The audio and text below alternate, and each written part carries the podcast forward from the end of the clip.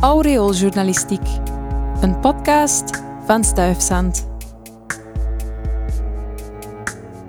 Midden in jouw dorp staat een kerk met een naam. Maar ken je ook de mens achter die naam? Vandaag vertelt Gert Melis-Maas je het verhaal van de heilige Job, die in de katholieke kerk gevierd wordt op 10 mei. Van de regen in de drek. Wat hebben de heilige Job en Schoonbroek in Reti met elkaar gemeen? Ze vieren allebei feest op 10 mei. Jobs leven was helaas niet altijd even feestelijk. Het begon veelbelovend, want hij had een goede gezondheid, veel rijkdom en veel kinderen. Dat geluk bleef helaas niet duren. Jarenlang werd Job door het kwaad op de proef gesteld. Hij werd geplaagd door de ene onbeschrijfelijke ramp na de andere.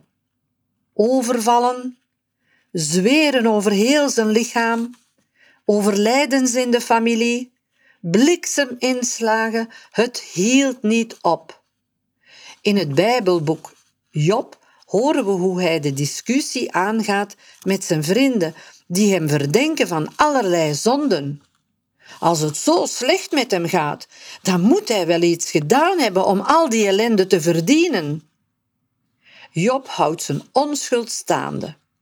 En uiteindelijk is het God die het woord neemt en Job doet inzien dat alles veel ingewikkelder in elkaar zit dan hij ooit zal begrijpen.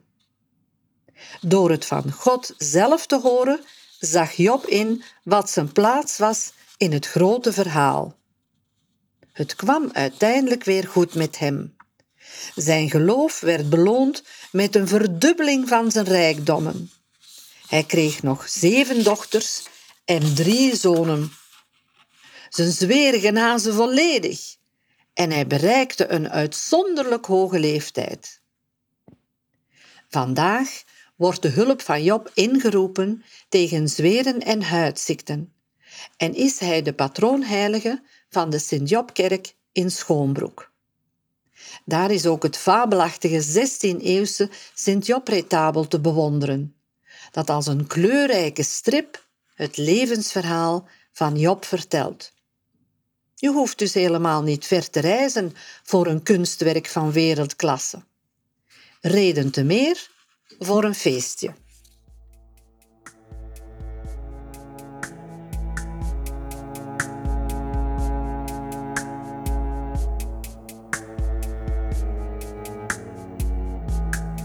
Dit was een podcast van Stuifzand en de klassen Woord en Audio Engineering van de Geelse Academie voor Muziek, Woordkunst, Drama en Dans, met steun van de Vlaamse overheid. Heb je nog vragen, suggesties of opmerkingen? Laat het ons weten op info.stuifzand.be. Dankjewel voor het luisteren.